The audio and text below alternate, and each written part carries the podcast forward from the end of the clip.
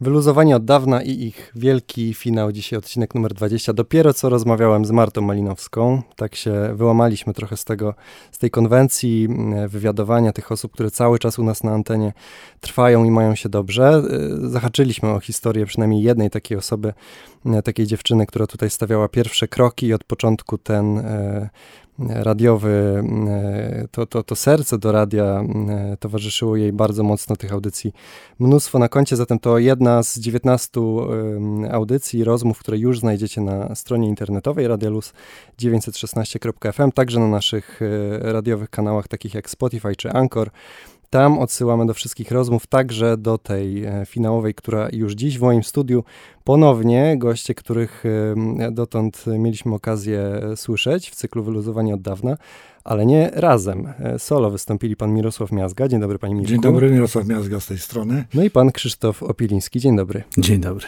Trochę dziś życzyłbym sobie, żeby, żeby to nasze spotkanie stanowiło takie podsumowanie całego cyklu. Oczywiście e, ja jako gospodarz te wszystkie rozmowy e, miałem wielką przyjemność przeprowadzić, ale sądzę, że to nie mi wypada e, jakoś o to podsumowanie tak w pełni tutaj zadbać, o narrację tego podsumowania, jak sądzę a, a właśnie e, poprzez e, panów wspomnienia, panów głosy i to wszystko, co tutaj w Radio Luz e, działo się, jeszcze zanim my wszyscy, młodzi luzacy, mieliśmy okazję tego wszystkiego się dotknąć. Trochę panowie już o tych początkach Radio Luz mówili, ale myślę, że dziś taka wymiana myśli może zrodzić takie bardzo, bardzo ciekawe wątki, które dotąd się nie pojawiły. Zatem skorzystajmy z tej perspektywy, którą panowie macie, to znaczy takiej perspektywy, której nikt inny tu nie ma, e, ale też nie jest tak, że panowie na tę chwilę już na to wszystko, co w Radiolus się dzieje, patrzycie z boku, bo jednak udział cały czas na antenie jest, ale czy ta perspektywa jest inna?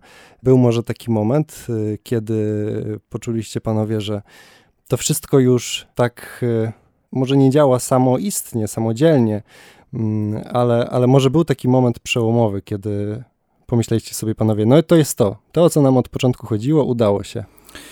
Ja myślę, że tak, po prostu jak się nad tym zastanawiamy i często z Mirkiem rozmawiamy przy jakichś okazjach, to dochodzimy do wniosku, że uruchomiliśmy pewną maszynę, którą trudno było uruchomić, ale jak już y, zaczęła działać, to jest to bardzo miłe i w zasadzie no chyba już nie jesteśmy tak bardzo potrzebni, bo radio radzi sobie samo i już stało się profesjonalne. Jeszcze na tyle rozwinęło, że można już samodzielnie może funkcjonować bez jakiejkolwiek większej ingerencji albo jakiejś dodatkowej zewnętrznej pomocy.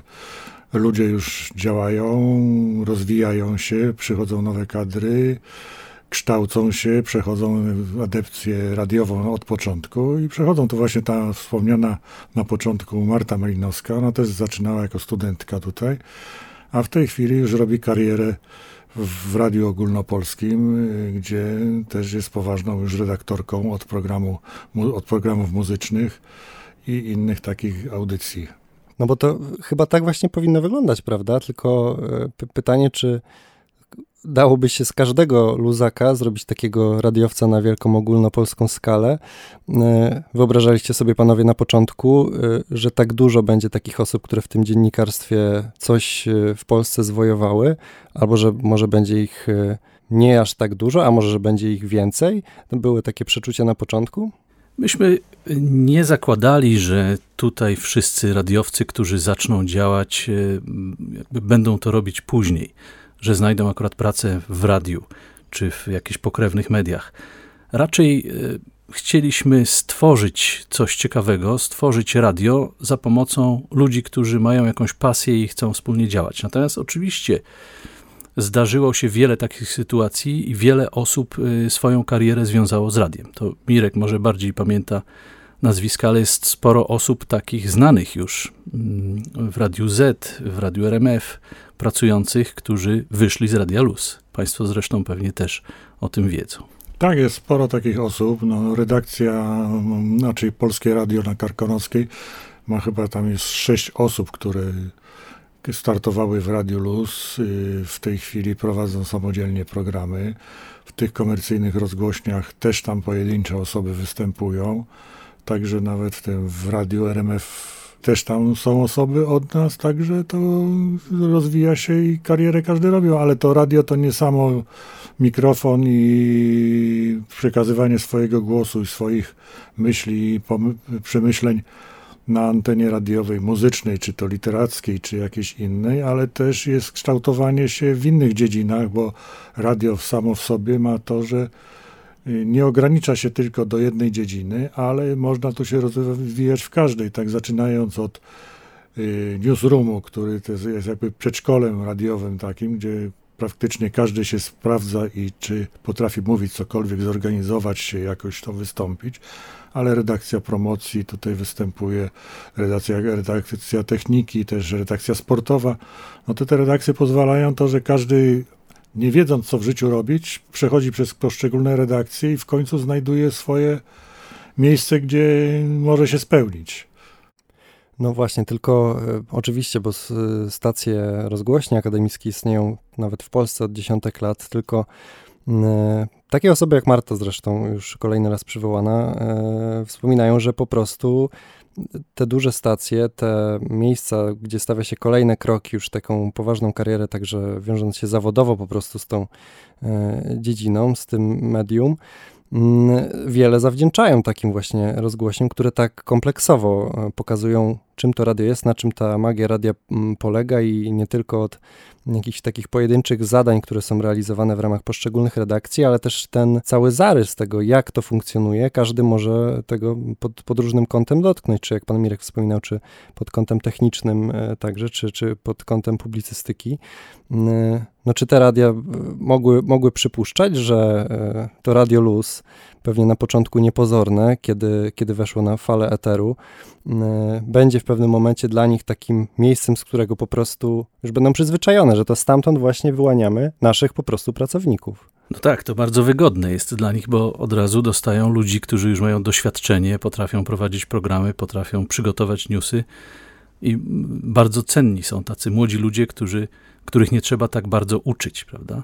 Ale tak jest wszędzie. To, czy, czy te rozgłośnie mają taką świadomość? No nie wiem, po prostu y, wydaje mi się, że wystarczy, że zaczną poszukiwać takich rozgłośni akademickich mniejszych, które, szczególnie takich, w których ludzie nie są związani etatami, tylko są tam przez jakiś czas.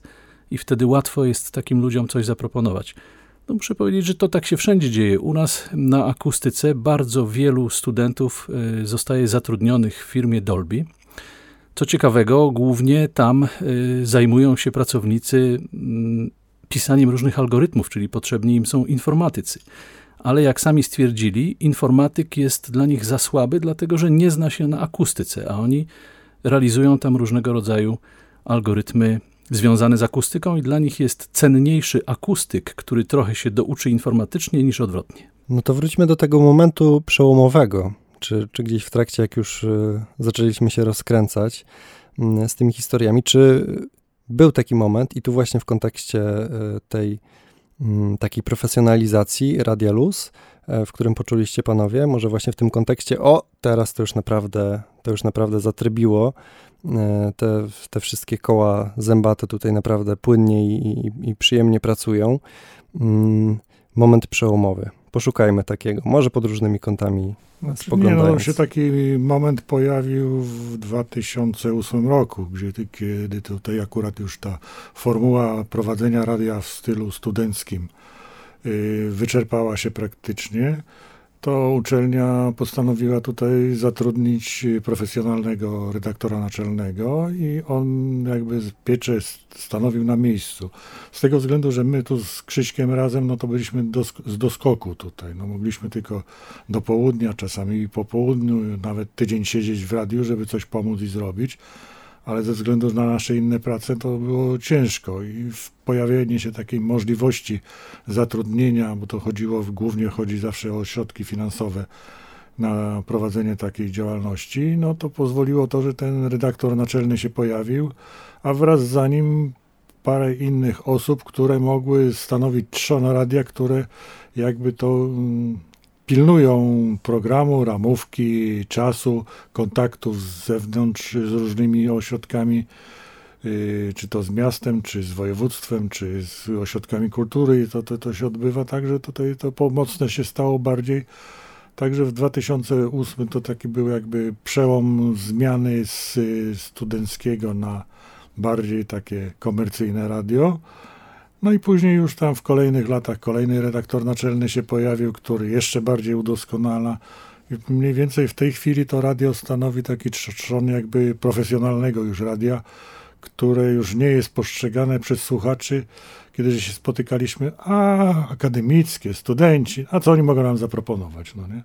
A w tej chwili, no, jeszcze tu w dobie pandemii, w tej chwili, no to jeszcze bardziej to rozwinęło i jesteśmy na wyższym poziomie słuchalności niż kiedyś żeśmy byli, nie?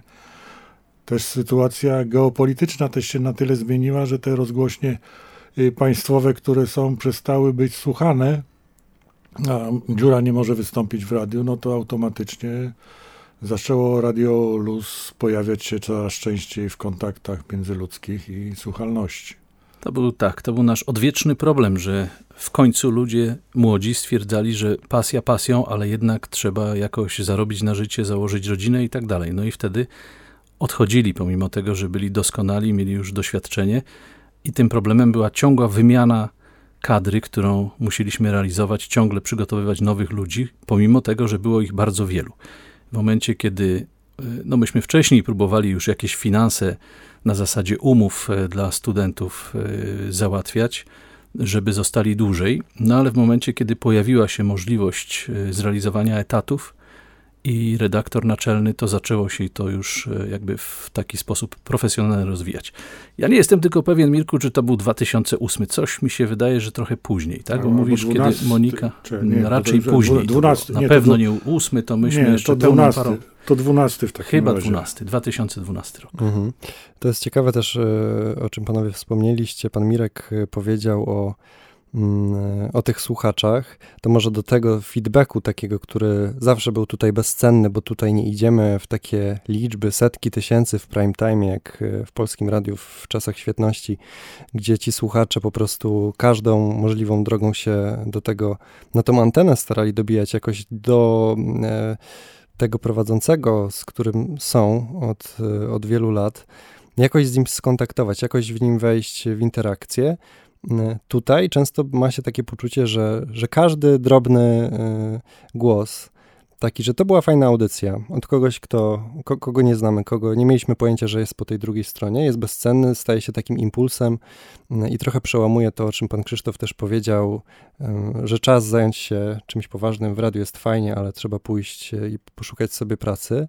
To do tych słuchaczy może, może zaraz, ale jeszcze jedna kwestia przez pana Krzysztofa poruszona, e, to zainteresowanie i właśnie młody człowiek e, kontra taka akurat forma spędzania tego wolnego czasu, nabieranie takich, a nie innych umiejętności. Myślę, że w poprzednich rozmowach z obu, mm, z, z oboma panami rozmawialiśmy o tym, mm, że radio się zmienia, radio idzie w pewnym kierunku, młodzi ludzie e, trochę mm, nadają e, taki, taki tor temu, jakie stają się możliwości radia, co to radio musi tak naprawdę proponować, żeby ci młodzi cały czas z nim byli. Mm, może nad tym się na chwilę, na chwilę pochylmy. Czy tu się coś w tej materii zmieniło, czy rzeczywiście, e, no, chociażby streaming, w ogóle każda inna forma e, spędzania e, czasu przez, przez młodych ludzi, jakoś ich od, odwodzi od tego radia, bo wydaje się, że ono jest nadal na tyle atrakcyjne, że nie zauważamy, żeby w rekrutacji pojawiało się coraz mniej chętnych osób, ale gdzieś trzeba te, temu kolejnemu pokoleniu już po tych 15 latach Radia Luz wyjść naprzeciw. No więc jak, to może być? To jest y, poważny problem, nad którym moglibyśmy tutaj długo dyskutować. Ja akurat myślę, że Mirek też doceniam magię radia i po prostu dla mnie jest to coś niesamowitego, dlatego że słuchając radia, wiele rzeczy muszę sobie wyobrażać. Nie mówię tu tylko o muzyce, bo to łatwo też słuchać z jakiegoś innego medium, ale właśnie to słowo, które się tam pojawia, powoduje, że zaczynamy sobie wiele rzeczy wyobrażać sami, jak one wyglądają, a nie są one nam podawane przez obraz gdzieś tam e, z telewizji czy, czy z, też z innych mediów. I tutaj muszę powiedzieć, że myśmy tworząc to radio, e, cały czas bronili się mocno przed tak zwanym formatowaniem, które, ono już, które już wtedy wchodziło. No i też e, uczyliśmy studentów, organizowaliśmy różne kursy, żeby e, iść z duchem czasu i to formatowanie weszło oczywiście też e, do naszego radia. Mówię o takiej, może nie wszyscy słuchacze wiedzą o co chodzi, ale wcześniej jakby radio, ponieważ nie było medium cyfrowego, to mm, każdy prowadzący sam decydował o tym, co wypuści, jaki utwór, co się dzieje na antenie. Były pewne ramy, natomiast nie było to tak bardzo dokładnie sformatowane. Takiego słowa by trzeba użyć. Natomiast w momencie, kiedy pojawiła, pojawiły się możliwości wysterowania programu w sposób automatyczny, losowania nagrań, zaczęły się trochę straszne historie, dlatego że wiele rozgłośni poszło tak mocno w to formatowanie, że powiedzmy e, realizowali mm, ścisły format dźwiękowy e, muzyki, która była prezentowana i robili to w ten sposób, że jakaś tam grupa próbowała wybrać e, tysiąc ciekawych nagrań i te tysiąc ciekawych nagrań poprzez e, program komputerowy były w odpowiedni sposób prezentowane, tak żeby losowo, żeby nie trafić na tego samego słuchacza, który danych audycji słucha. No to bardzo jest skomplikowane. Zresztą teraz wszystkie rozgłośnie praktycznie korzystają z takich, z takich programów. Więc ten format, jak się pojawił, to moim zdaniem trochę ograniczył możliwości medium radiowego i dalej spowodowało to y, przejście wielu, szczególnie młodych ludzi, do takiego łatwego medium, w którym mają podane wszystko i o każdej porze, w każdej chwili, kiedy pracują, nie muszą przerywać pracy, nie muszą się zastanawiać, tylko mają wszystko podane razem z obrazem. I moim zdaniem jest takie niebezpieczeństwo, że wszyscy, że, że kolejne pokolenia jakby odejdą, że radio może przestać istnieć i wszyscy będą korzystali tylko ze strumieni, wybierając sobie zarówno w telewizji, jak i w radiu tylko to, co ich interesuje. To niedobrze, dlatego że nam ta, ta magia radia e, no po prostu zostanie stłamszona. Nie będzie tego człowieka magicznego, tego e, wspaniałego redaktora, który nam opowiada o muzykach, o muzyce, o no, wiele takie jazzowe audycje w Trójce, których kiedyś y, słuchałem namiętnie. Jan Ptaszyn-Wrublewski, który po prostu mówił tak niezwykłe rzeczy, że nawet jeśli się ktoś nie interesował jazzem, to, to chętnie wysłuchał. Poza tym też teraz obecnie widać po ramówce Radia Luz, znowu na początku, kiedy ono powstawało, przeważała sama muzyka, było mało słowa. Cokolwiek się pojawiało nowego, no to to było tylko też muzycznie, coś tam parę zdań na temat utworów czy tam zespołu ale z czasem zaczęło się to radio rozwijać i w tej chwili żeśmy doszli do takiej formuły, która praktycznie nie ma żadne radio, bo brakuje w każdym radiu sprzedanie praktycznie wszystkich taki na formie encyklopedii, że potrzebuję jakiś dźwięk, to go znajdę na antenie, no nie?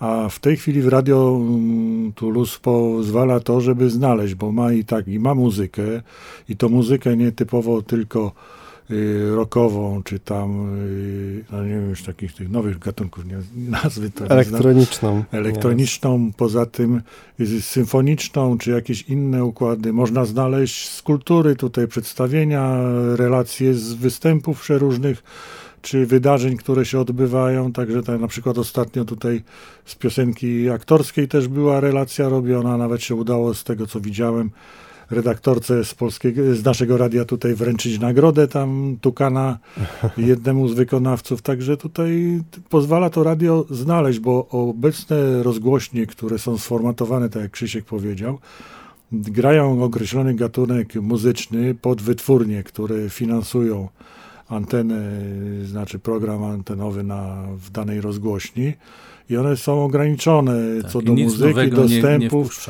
nie, nie materiałów typu wywiadów, relacji, reportaży czy transmisji z reguły nie prowadzą, bo są to koszty dosyć duże.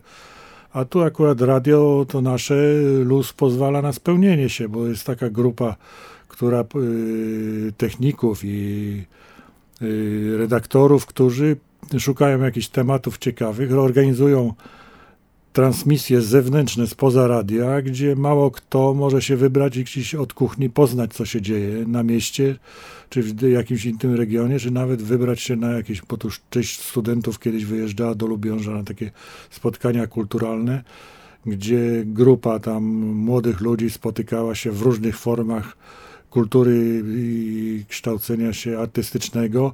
I tam w przeciągu dwóch, trzech tygodni odbywały się te zajęcia i każdy mógł poznać jakąś nową, ciekawą, a poza tym przez to sprzedana przez naszych redaktorów na antenie stawała się bardzo ciekawa dla poszczególnych słuchaczy. I tu dochodzimy do sedna sprawy, bo myśmy z Mirkiem zawsze walczyli i zawsze mówiliśmy e, tutaj radiowcom, że dopóki my opiekujemy się radiem, to nigdy nie dopuścimy do sytuacji, żeby tutaj były reklamy.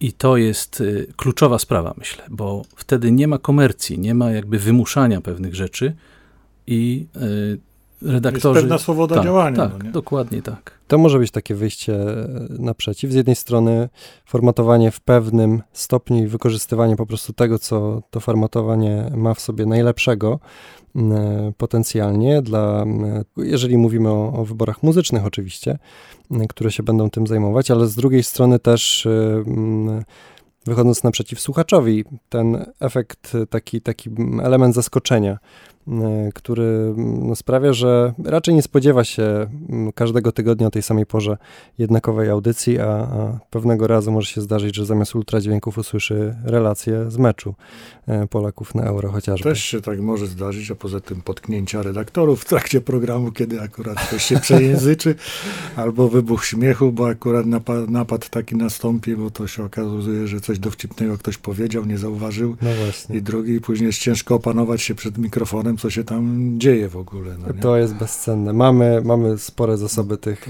tych dźwięków, cały czas na szczęście są, są Ciekawe te wpadki antenowe takie. Znajdziemy to, powiedzieć. spróbujemy się ze słuchaczami podzielić oczywiście też e, w ramach tego jubileuszu. 15 e, lat Radia Luz w, właśnie w tym roku obchodzimy, no ale e, może nawiążę do tego, co usłyszałem. Niestety nie widziałem tych statystyk na własne oczy, ale Konrad Zalewski, który też tutaj programował radio przez kilka lat, obecnie pracujący w firmie, która dostarcza system emisyjny mm, do naszego radia i setek innych na całym świecie. On zawsze się takimi statystykami, badaniami słuchalności bardzo interesował. Mm, zapytałem go, czy ma jakieś informacje, bo tutaj nawiązuje do tego, co też pan Krzysztof mówił o, tych, e, o tym pokoleniu powoli odchodzącym od radia, szukającym tej rozrywki trochę innymi drogami, kanałami że wcale tak nie jest, żeby radio jakoś e, bardzo traciło, że właśnie ten pierwiastek ludzki cały czas jakoś e, no, jest tym, tym, tym elementem przyciągającym, no więc może jednak jest nadzieja, żeby e, no, na, tym, na tym opierać się Nie, to radio, radio, raczej nie wygaśnie, to już sam widać po statystykach, bo ja też te, przeglądam te, te statystyki nastąpił regres w tych rozgłośniach państwowych tak zwanych, no bo tu już się wkradła niestety polityka do tego i ludzie nie chcą na co dzień mieć, cały czas obcować z polityką, szukają jakiejś odskoczni na antenie. No i tu nastąpił spadek słuchalności rozgłośni tych regionalnych i ogólnopolskich i tu akurat przejął ten rynek częściowo ZK i RMF, ale te rozgłośnie lokalne też przejęły słuchaczy. Między innymi na tym myśmy skorzystali, gdzie do nas dotarło coraz to więcej teraz słuchalności z punktu widzenia badania statystycznego.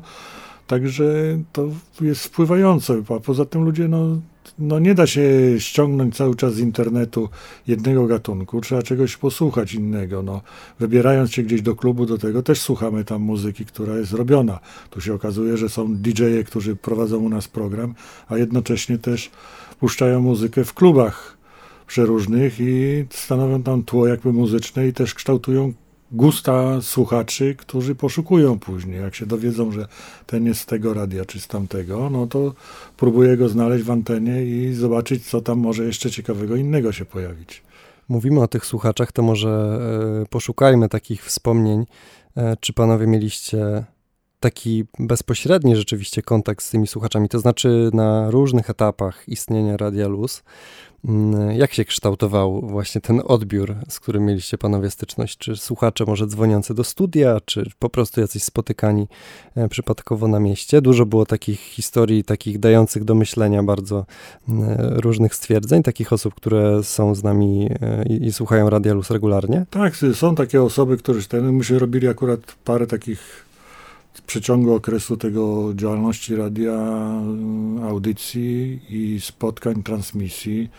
Na początku pierwszą żeśmy taką większą mieliśmy, to już kiedyś mówiłem w poprzedniej relacji, to były Ząbkowice chyba śląskie, Tak, Tam było to pamiętam. O, o, Ridlu, o Ridlu wspomnienie, gdzie myśmy się w ogóle też zapoznawali wtedy z technikami przesyłu sygnału dźwiękowego przy pomocy internetu, bo to już na pierwsze tam objawy pojawiające się w internecie takie były, myśmy to wykorzystali.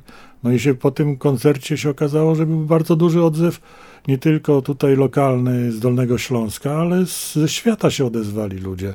Tak samo później się odbywały takie mm, relacje, to było robione przez Ferenca chyba, tak? Karola, Karola Ferenca, mhm. który zorganizował relację y, motorową ze Świdnicy, z rajdu tego dolnośląskiego mhm. Elmotu, gdzie też redaktorzy się wybierali od nas na, tam na trzy dni no, do, do tego i odzew był też nie kolosalny, no bo praktycznie dochodziło do słuchalności w tym okresie czasu do tysiąca słuchaczy, którzy słuchali nie bezpośrednio z, ante, z anteny radiowej z ale ze strumienia radiowego. Później jakieś były kontakty. Do tej pory to Karol prowadzi tutaj program, który ma też szeroki odzew tam tych motoryzacyjnych y, słuchaczy, których zainteresowanych ma. Tak samo też y, tych mm, sportowców, no to jest to. Jest też, też są, mm, które się transmisje odbywają z klubów, czy z teatru nawet była transmisja robiona sztuki teatralnej. Także tutaj jak później się jakiś idzie i mówi się, że jest z luzu, to już tak z radością patrzą ludzie i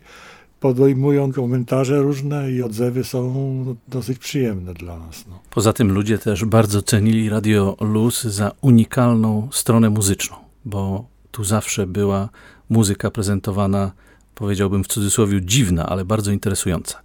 Nie do końca jest tak, jak to w filmie Race padło takie stwierdzenie, że ludzie lubią słuchać e, to, co znają, prawda? Mhm. Ludzie też lubią coś ciekawego, żeby im coś pokazać nowego, bo sami nie mają na to czasu, nie chcą gdzieś sięgać po coś, czego nie znają, więc trzeba im to podać po prostu na tacy. Ja muszę taki przykład przytoczyć. Ja bardzo lubię rokowe rzeczy i kiedyś żona szukając coś, ona też coś takiego lubi, szukając coś tam na smartfonie, znalazła e, mongolski zespół, który się nazywa The Who. HU, takie samo H, tak? Mhm ja byłem zaskoczony, bo bardzo mi się to spodoba, spodobało, a po paru tygodniach zobaczyłem, że ten zespół jest emitowany w antyradiu.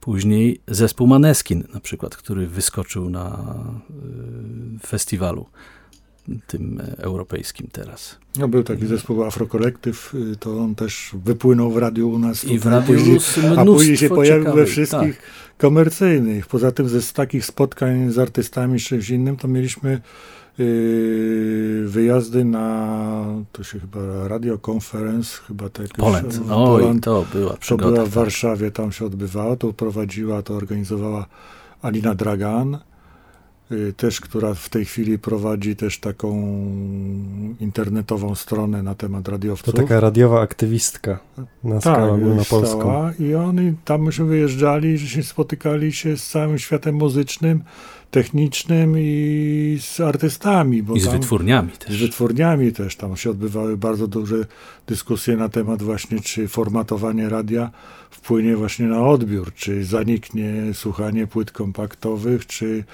w ogóle strumień jak się pojawi, to wszyscy odejdą od radia i przestanie radio istnieć. Ale to się okazało, że to było w latach, no, w połowie lat 2010, gdzieś tam 12, no to wtedy to już były takie obawy, ale tu mamy rok 2021 i się okazuje, że jednak radio jest potrzebne i kształtuje gusta słuchaczy, tych młodych. Natomiast, y, bo mówiliśmy o tych słuchaczach i o, tych przyjemny, o tym przyjemnym odzewie, ale no, wypada zapytać też o ten negatywny, bo myślę, że też słuchacze są, są takimi osobami, które bardzo się tu ceni i szanuje.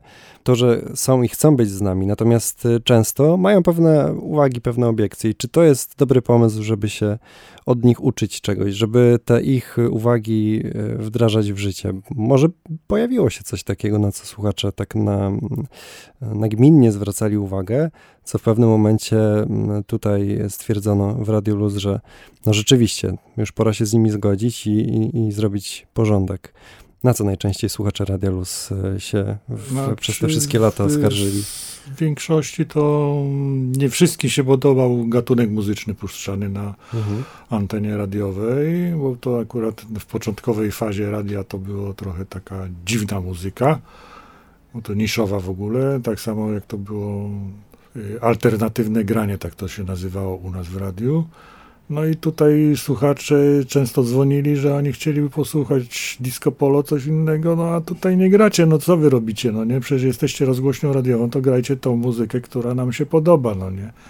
No i wtedy trzeba było tam edukować tych słuchaczy, żeby wiedzieli, że jednak poza tym disco polo coś tam jeszcze też innego istnieje, czy też tak samo z poruszanymi tematami przeróżnymi. No to, to tak też się trafiło, mieliśmy, próbowaliśmy w ramach koncesji mieliśmy tam obowiązek taki prowadzenia audycji, jak to nazwać, chrześcijańskich może, czy coś w, te, w, w tym stylu i żeśmy mieli tutaj zaprzyjaźnioną taką grupę studentów, którzy tam się podjęli tego, że będą, po, spróbują poprowadzić coś takiego. No i tu się spotkali z grupą z kościoła jednego we Wrocławiu, no i tam próbowali parę audycji zrobić. Chcieliśmy na początku, żeby oni przedstawili gotowe audycje, żebyśmy nie poszli na żywioł, bo tam się mogą różne treści pojawić. No i z tym względzie się okazało, że nie da się do końca przeprowadzić, bo się okazało, że to nastąpiła indokrynacja słuchaczy i no nie dało się tego puszczać. No i żeśmy zrezygnowali jednak z tych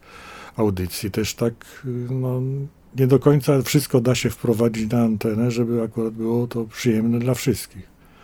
Nawet cel edukacyjny, się spełnili, bo przy organizowaniu jednym z, z wspólnie z Jarkiem Owsiak, Jurkiem Owsiakiem Orkiestry Świątecznej Pomocy, to spo, spo, zorganizowaliśmy spotkanie takie z więźniami z Wołowa, z tego więzienia, które tam się odbywa.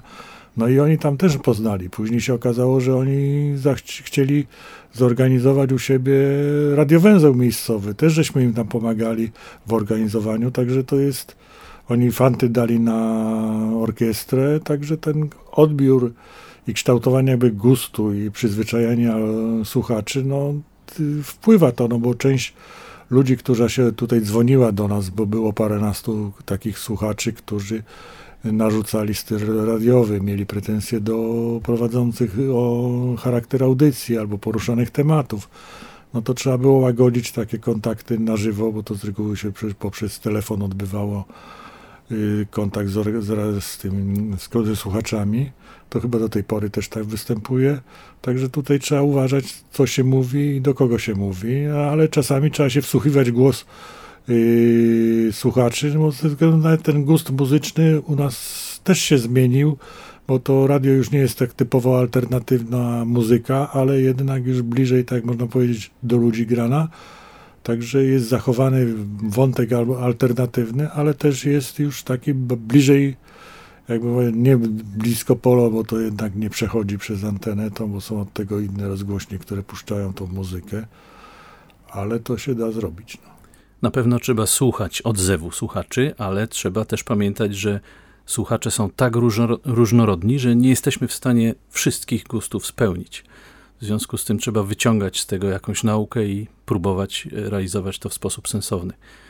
Zawsze jest trudno. Myśmy to, co Mirek mówi, no to był odwieczny problem w naszym radiu, jeśli chodzi o cenzurę.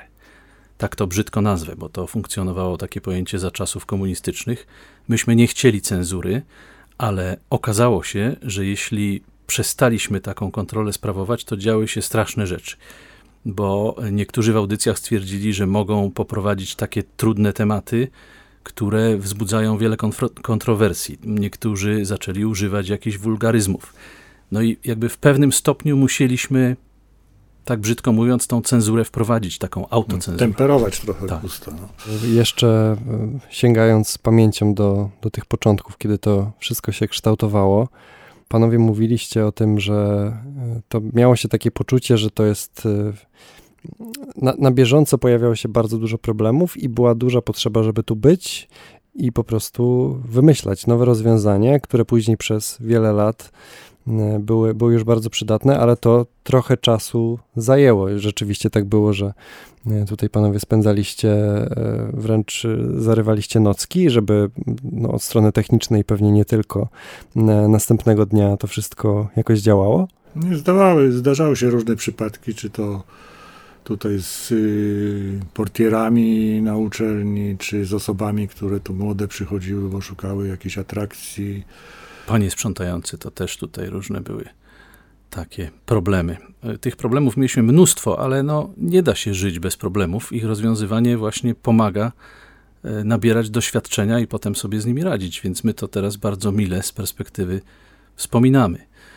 E, oczywiście no, czasu spędzaliśmy ogromne ilości, bo to jak tylko się udało wypełnić obowiązki w pracy, to przychodziliśmy tutaj, bo to parę kroków z budynku.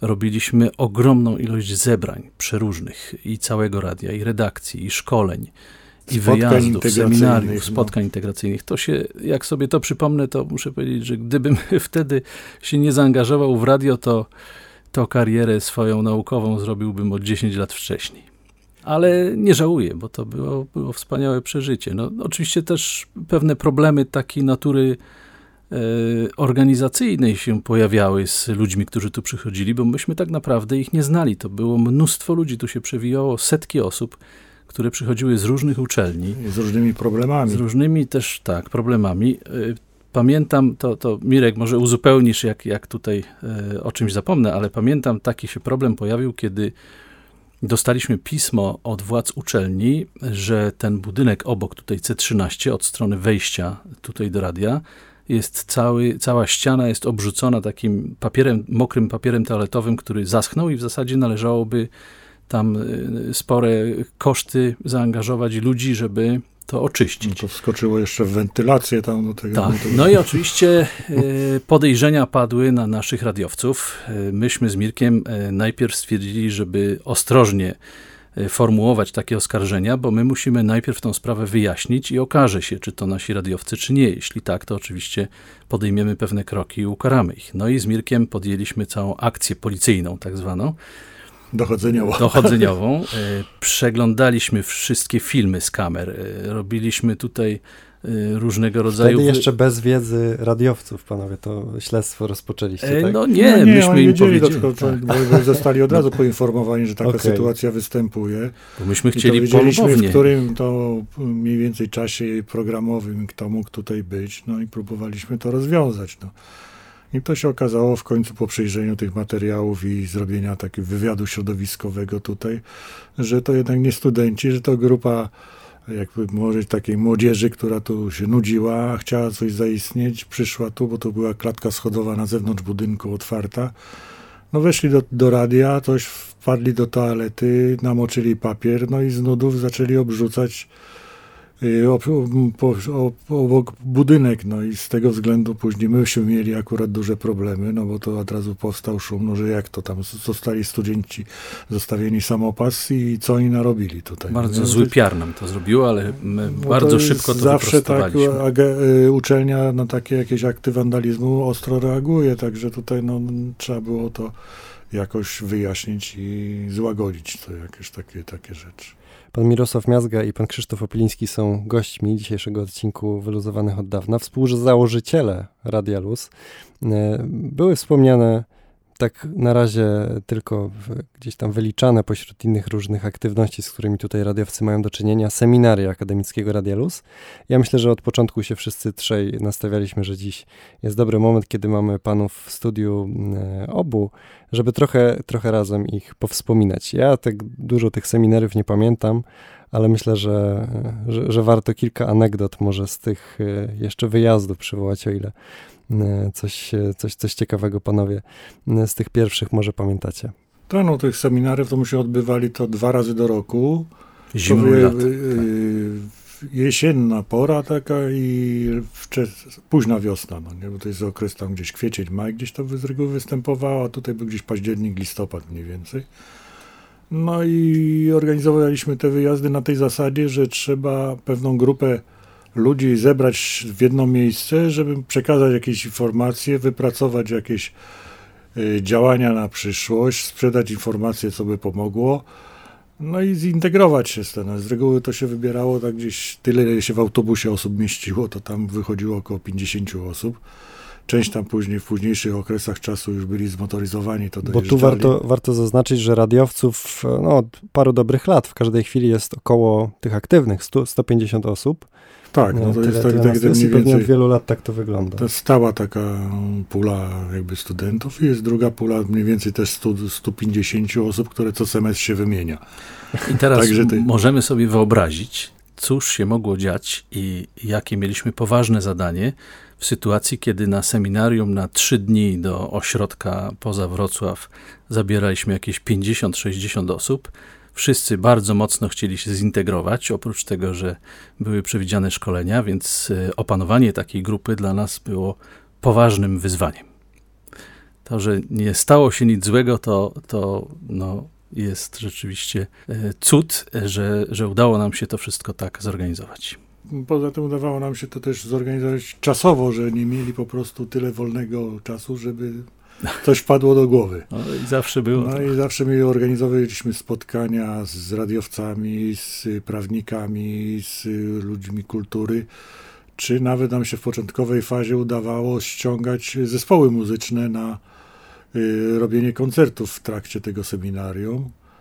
I po takich seminariach się okazało, że dwie czy trzy grupy takie muzyczne, które to grają, to były z reguły studenci. Jak zagrali, to stali się popularni i pojawili się na koncertach w klubach, czy gdzieś indziej mogli wystąpić w innych ośrodkach akademickich jako zespoły muzyczne tam podczas, w trakcie tego robienia swojego jakiegoś tournée.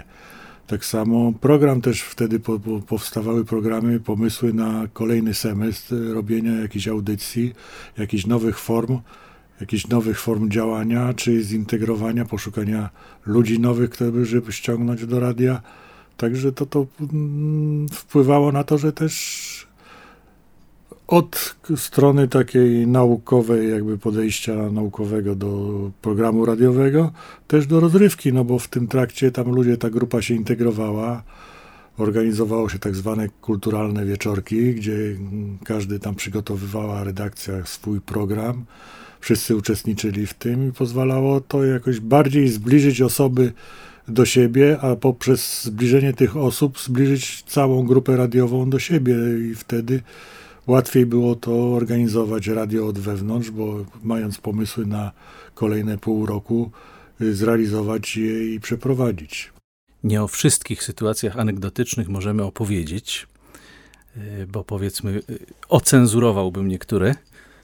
Skoro mówimy do tak szerokiego grona słuchaczy, ale parę możemy przytoczyć, takich powiedzmy ocenzurowanych trochę już. Zorganizowaliśmy dwa seminaria, gdzie zabraliśmy dość dużo ludzi do Warszawy, po to, żeby można było zwiedzić tą starą jeszcze wtedy trójkę. Y, zaprosiliśmy bardzo ciekawych ludzi, między innymi Stelmach był u nas, prowadził warsztaty, trochę osób z TVN-u, bardzo ciekawe były wtedy, były wtedy warsztaty dla, dla naszych radiowców i też było zwiedzanie trójki. Ponieważ spodziewaliśmy się, że przy takiej dużej liczbie ludzi mogą się zdarzać różne, e, różne rzeczy, to wybraliśmy taki ośrodek na uboczu, który był ośrodkiem samopomocy chłopskiej. Bardzo duży, ale jeszcze w takim starym stylu, e, gdzie pokoje nie były odnowione. Tak, tak o, no można by tak powiedzieć w takim stylu socjalistycznym. No i pamiętam, że jak przyjechaliśmy z Mirkiem, ponieważ myśmy przed seminarium wiele rzeczy sami musieli robić. E, zaproszenia, układać e, programy, wszystko jakby sami drukowaliśmy, bo no, oszczędzaliśmy środki. Więc byliśmy już tak zmęczeni, że jak przywieźliśmy studentów, to zapytaliśmy tylko w ośrodku, czy mogliby udostępnić im jakąś taką salę, żeby sobie tam trochę dłużej posiedzieli, bo no my już jesteśmy tak zmęczeni, że pójdziemy spać. No i oni oczywiście y, tam zainstalowali jakiś wzmacniacz, głośniki, trochę tam sobie potańczyli, posiedzieli, rozmawiali i tak dalej, no i zostawiliśmy ich. Rano studenci spali, natomiast myśmy poszli z Mirkiem zobaczyć na tą salę. Jak otworzyliśmy drzwi, to Mocno się. Zdziwiliśmy się. Mocno się zdziwiliśmy i przestraszyliśmy, no bo w tej sali było trochę pobojowisko, to znaczy walały się tam jakieś kubki, rozlane napoje, jakieś pety na podłodze. No wyglądało to tragicznie. Trochę się przestraszyliśmy, że w pierwszy dzień już będziemy mieli problem w ośrodku i może się to tak skończyć, że nas tam wyproszą. No więc e, stwierdziłem, ponieważ to było wcześniej rano, to, to mówię do Mirka, słuchaj, no cóż, idziemy po wiadra, bo studentów nie dobudzimy, posprzątamy to sami i zobaczymy, jak to będzie wyglądało, no bo tak nie mogą tego zastać właściciele ośrodka, bo będzie kłopot. No ale oczywiście pojawiła się tam w międzyczasie pani, dzień dobry, z uśmiechem, jak tam było, czy się udała impreza studentom. No myśmy starali się odwieść od pomysłu wchodzenia do tej sali, ale oczywiście tam zajrzała. I nic, uśmiech nie zszedł z jej twarzy. No i tak na nią patrzymy i mówimy, no bo my przepraszamy, że tu tak zaraz posprzątamy, tak się jakoś zdarzyło, że to wszyscy zmęczeni i tak dalej. A pani mówi, o nie, proszę się w ogóle tym nie przejmować, to jest normalne. nie wiem dlaczego zacząłem przypuszczać, że to puenta będzie taka, że e, te, te panie z ośrodka i te wszystkie osoby z ośrodka się przyłączyły po prostu, że radiowcy byli tak e, sympatycznymi osobami. Też nie, tak było, to, to bo też później na, jak robiliśmy wieczorem takie W niektórych ośrodkach zdarzało się, że integracja właścicieli z grupą radiową się Albo innych gości. I innych gości też się odbywała. A nie, to takie spotkanie towarzyskie to było raz, y, byliśmy w tym na seminarium w Kobylej Górze i tam nastąpiła integracja pełna z miejscową młodzieżą. Niesympatyczna bardzo. Bardzo im się to nie spodobało, bo podejrzewali, że myśmy przyjechali poderwać ich dziewczyny tam na, w Kobylej, bo to w tym czasie myśmy byli w jednym ośrodku, a w innym ośrodku odbywała się dyskoteka w tym czasie. No i tam nasi poszli i tam zaczęli coś dyskutować z dziewczynami i tak, tak dalej robić. No i tam tym się nie spodobało. I oni przyszli do naszego ośrodka i narobili bałaganu. No, oni pewnie chcieli tylko je zrekrutować do Radialus po prostu. Może. No, tam no to wyglądało jak w filmie gangsterskim, dlatego że później, e, żeby, no myśmy starali się z Mirkiem nie doprowadzić do sytuacji, żeby tam były jakieś problemy, żeby się pojawiała policja, żeby były jakieś bójki, więc nakazaliśmy wszystkim już późno w nocy, żeby już nie chodzili na żadne dyskoteki, zamykamy ośrodek i bawimy się w środku. No i ledwo to zrobiliśmy, to przyjechały trzy samochody miejscowych, z których wychynęli sami mężczyźni i zaczęli tylko patrzeć na okta, no to wyjdźcie do nas, no wyjdźcie. Zaczęła się próba prowokacji tak e, zerkam na notatki pana Krzysztofa, czy tam e, coś, coś jeszcze takiego e, palącego może się znajduje w kontekście tych anegdot, co warto by przytoczyć dzisiaj? Dowcip o Mirku jeszcze mogę powiedzieć. No to koniecznie. Może zapomniał. Jak wybraliśmy się na którąś z konferencji Radio Conference Poland, żeby zaoszczędzić trochę na kosztach, to wraz ze studentami wynajęliśmy sobie pokoje w Warszawie są takie, nie wiem czy są do dziś, ale być może, są takie trzy hotele, które się nazywają Atos, Portos i Aramis. One wyglądają dokładnie tak jak nasze akademiki na Wittigowie. I dokładnie tak samo w środku, tylko wtedy jeszcze wyglądały tak jak nasze przed remontem. Ale było bardzo sympatycznie, pokoje były dwuosobowe, więc y, tam zamieszkaliśmy na czas konferencji. Oczywiście też w ten pierwszy dzień, kiedy przyjechaliśmy do Warszawy, byliśmy zmęczeni, musieliśmy przygotować różne rzeczy. Studenci mieli swoje pokoje, myśmy z Mirkiem byli w jednym. No i ja już byłem tak wymęczony, że mm, dałem Mirkowi taki, takie wydrukowane wizytówki radiowe, bo myśmy drukowali to na drukarkach kolorowych, na e, takim papierze specjalnym A4. Ale problem polegał na tym, że nasi, nasz dział promocji uparł się, żeby te wizytówki miały zaokrąglone rogi. Ja byłem przeciwny temu ze względu na ich wycinanie, no ale w końcu się na to zgodziliśmy i oczywiście one miały zaokrąglone rogi. No i poprosiłem Mirka, już się kładłem spać, mówię Mirek, to powycina jeszcze trochę tych wizytówek, bo będą nam potrzebne w czasie konferencji, tylko uważaj, bo to trzeba tak dokładnie robić. No, Mirek zaczął wycinać, ja się położyłem spać, budzę się rano, patrzę, leżą wizytówki i tak poobcinane te rogi taki, no tak, tak, taki się okazało, sposób. że miałem do dyspozycji Ostrokąt. tylko nożyczki do paznokci. I na, nie za bardzo te półokrągłe rogi zaczęły wychodzić. No, pierwsze były jeszcze w miarę dobrze, ale kolejne następne to już było coraz gorzej. Panowie, dziękuję serdecznie za e, to kolejne spotkanie. Sądzę, że na koniec, bo teraz też jest taki czas, kiedy kończymy i cykl wyluzowania od dawna i mm, rekrutujemy kolejnych, e, kolejnych radiowców do, do redakcji tak wyjątkowo wakacyjnie. W zasadzie do dzisiaj, kiedy rozmawiamy, ta rekrutacja trwa. Zaraz startujemy z kolejną już letnią ramówką. No tych punktów zwrotnych takich w roku jest, jest dużo tutaj w Radio Luz, bo to, o czym pan Mirek wspominał, 150 osób pula, która tych studentów wymieniających się praktycznie co sezon. Mm, no ale 15-lecie Radio Luz to oczywiście ten, ten główny kontekst, dla którego tutaj się spotkaliśmy już dzisiaj też po raz drugi. Jakie życzenia na te kolejne 15 lat? Jak panowie sobie wyobrażacie, czego tym kolejnym pokoleniom radiowców życzycie? Mm, jak to może wszystko wyglądać? Oczywiście, no nie wiem, jak bardzo, biorąc pod uwagę to, jak ten świat się zmienia i trudno to wszystko przewidzieć, ale jak w tym Radio Luz według panów przewidywań będzie w kolejnym, w najbliższym czasie? Wydaje mi się, że będzie się nadal prężnie rozwijało. Możemy życzyć wszystkim tylko tego, żeby przeżyli taki wspaniały czas działając w radiu, jak myśmy przeżyli, chociaż my nie do końca działaliśmy wewnątrz e, w sensie takiego cyklicznego realizowania jakiejś audycji. Robiliśmy to oczywiście od czasu do czasu, ale najwięcej robili to, robili to studenci w radiu. No i byłoby Wspaniale, gdyby każdy, kto tu działa, robił to z pasji i przeżył swoją przygodę z tym radiem, nawet jeśli tu nie zostanie. Nie no, myślę, że dla każdego, który rozpoczyna jakąś taką przygodę z radiem, to jest to, żeby się nie bać, żeby być odważnym, że nawet jak się sepleni, nie ma się coś do powiedzenia, czy jakichś innych czy manualnych y, zdolności, to zawsze można jakąś rzecz znaleźć w radiu, która pomoże się rozwinąć, no i pozbyć się pewnych nawyków, wymowy, popra poprawić wymowę swoją, znaleźć przyjaciół, kontakty jakieś nawiązać, także to radio pozwala na to, żeby się rozwijać i to raczej myślę, że to nie zaniknie, dlatego że no, cały czas się rozwijamy, przychodzą kolejne nowe młode osoby, które poszukują jakiegoś swojego miejsca w świecie i to radio pozwala im się spełnić, no nie? Bo ułatwia to kontakt, nawiązanie kontaktów i pozbycia się jakichś pewnych swoich zahamowań, które się wynosi z domu, bo to wiadomo, każdy ma inny charakter, inaczej jest wychowywany w domu.